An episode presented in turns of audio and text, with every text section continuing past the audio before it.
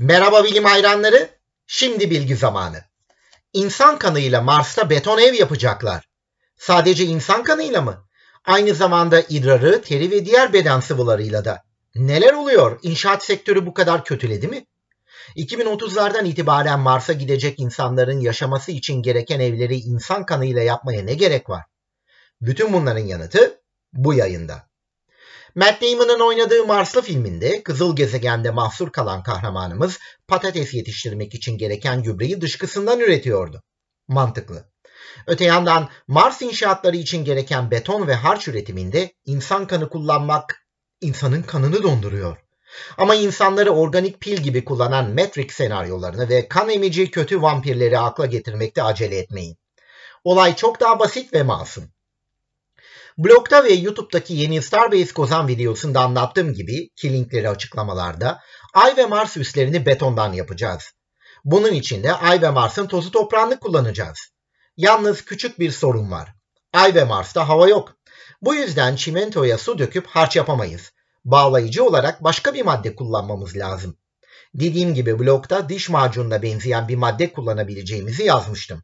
Ancak bilim insanları alternatif malzemeleri de araştırıyor.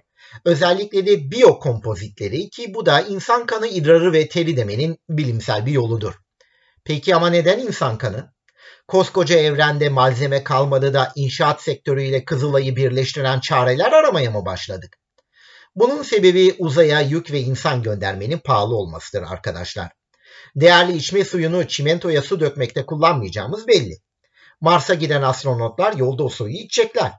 Hatta yeni videoda su çok kıymetli olduğu için uzay gemisindeki astronotları radyasyondan korumak amacıyla su tankı bile kullanamayacağımızı anlattım. Daha net söylersek bir tuğlayı Mars'a göndermek 2 milyon dolar ediyor. Dolayısıyla Ay ve Mars'taki üsler için gereken çimentoyu, harcı ve betonu yerinde üreteceğiz. Neyse ki Ay ve Mars'ta bildiğimiz anlamda toprak yok. Ama regolit var. Bu da mikrometeor darbeleriyle un ufak olmuş iri taneli uzay kumudur. Regolit neredeyse hazır çimento gibidir. Onu yumuşatıp macun kıvamına getirecek bir bağlayıcı madde bulursanız 3D printer robot kolla beton olarak basabilirsiniz. Mars'ta hava yok derken bu tam olarak doğru değil tabii. Mars'ın atmosferi var ama çok ince ve beton yapmak açısından pratikte yok sayılır. Üstelik Mars çok soğuk. Dolayısıyla bize dünyanın yüzde biri basınçta ve eksi 130 derecede regoliti harca çeviren bir şey lazım.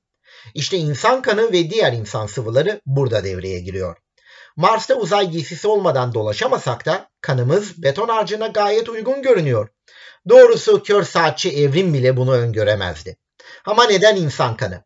Başka hayvanların kanı mı yok? Kandaki plazmaya benzeyen başka bir organik madde üretsek olmaz mı? Olur canım. Kan analogları ibadullah. Sorun şu ki bunları Mars'a taşımak yine para. Yoksa 2 milyon dolarlık tuğlayı unuttunuz mu? Öte yandan insanlı Mars uçuşlarında şey, insanlar zaten Mars'a gidiyor olacak. Kanını da yanında taşıyacak. Biyokompozit olarak insan kanı kullanma fikri buradan çıkıyor. Tabii Mars betonu ay üslerinde de kullanılacak arkadaşlar. Bu nedenle bilim insanları bu kanlı betonu gök betonu olarak adlandırmaya karar vermişler. Gök betonu insan serum albümini denen bir proteinden üretilecek. Çünkü proteinler anladığımız kadarıyla yapışkandır. Bilim insanları şimdiden şırıngada bu proteini ekleyerek 3 santim uzunluğunda gök betonu örnekleri ürettiler. İşi sağlama almak amacıyla içine üre eklediler. Üre, insan teri, idrarı ve gözyaşlarında bulunuyor. Sanırım bu gidişle Mars'ta kanter içinde çalışmak farklı bir anlama gelecek. Ama üre, protein bağlayıcılığını artırarak daha sağlam beton üretmeye imkan veriyor. Mars'ın yüzeyini ölümcül mor ötesi ve kozmik ışınlar bombaladığı için betonun elektrokimyasal aşınmaya özellikle dayanıklı olması gerekiyor. Üre gök betonunu sağlamlaştırıyor. Peki ama astronotların Mars betonu için ne kadar kan vermesi gerekli? Kan vermekten bir bitap düşmesinler. Ya kan vermekten çalışmaya vakit kalmazsa? Bilim insanları bunu da hesapladılar. Mars'a büyük olasılıkla 6-7 kişi göndereceğiz. Uzay mekiğinde de sıklıkla 7 astronot uçuyordu. 6 kişiden hesaplarsak 72 aylık Mars seferinde yani gidiş dönüş ve Mars'ta kalış süresinde 6 astronot 1800 tuğlalık kan verebilir arkadaşlar. Öte yandan 1800 tuğla eşdeğeri betonla ancak resimdeki gibi bir iki kubbe inşa edersiniz. Bu da ancak ilk Mars seferleri için işe yarar. Yine de yeterli olduğunu düşünüyorum. İlk astronotlar Mars'ta önce uzay gemisinin içinde kalacaklar. Sonra iglo benzeri birkaç kubbe ev yapacaklar. İlerleyen yıllarda ise Mars'ta robotlarla inşaat yapacaklar. Muhtemelen o sırada çamurlu Mars suyundan harç yapmanın yolunu bulacaklar.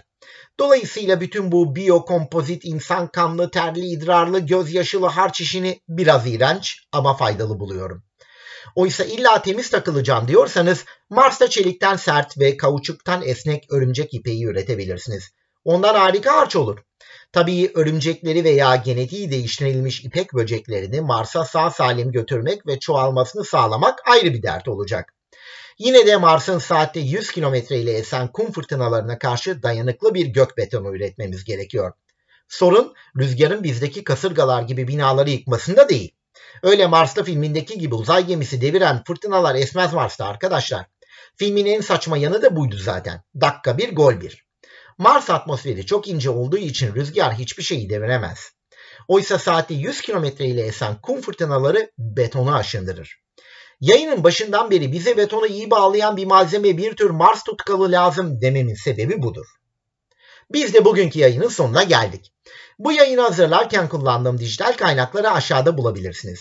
Daha fazla bilim için beni blogdan ve sosyal ağlardan takip edebilirsiniz. Bugün elektron spini maddeyi nasıl oluşturuyor diye sordum. Elektronların bizi meydana getiren atomları nasıl oluşturduğunu anlattım. Pauli dışarılama ilkesi ve spin istatistiklerinden söz ettim hem genel kültürle yetinen hem de tekniğe girmeye meraklı arkadaşları memnun edecek bir yazı yazdım. Her hafta 3 video koyuyor ve Spotify'da 4 yayın yapıyorum. Gelecek yayında görüşmek üzere, bilimle ve sağlıcakla kalın.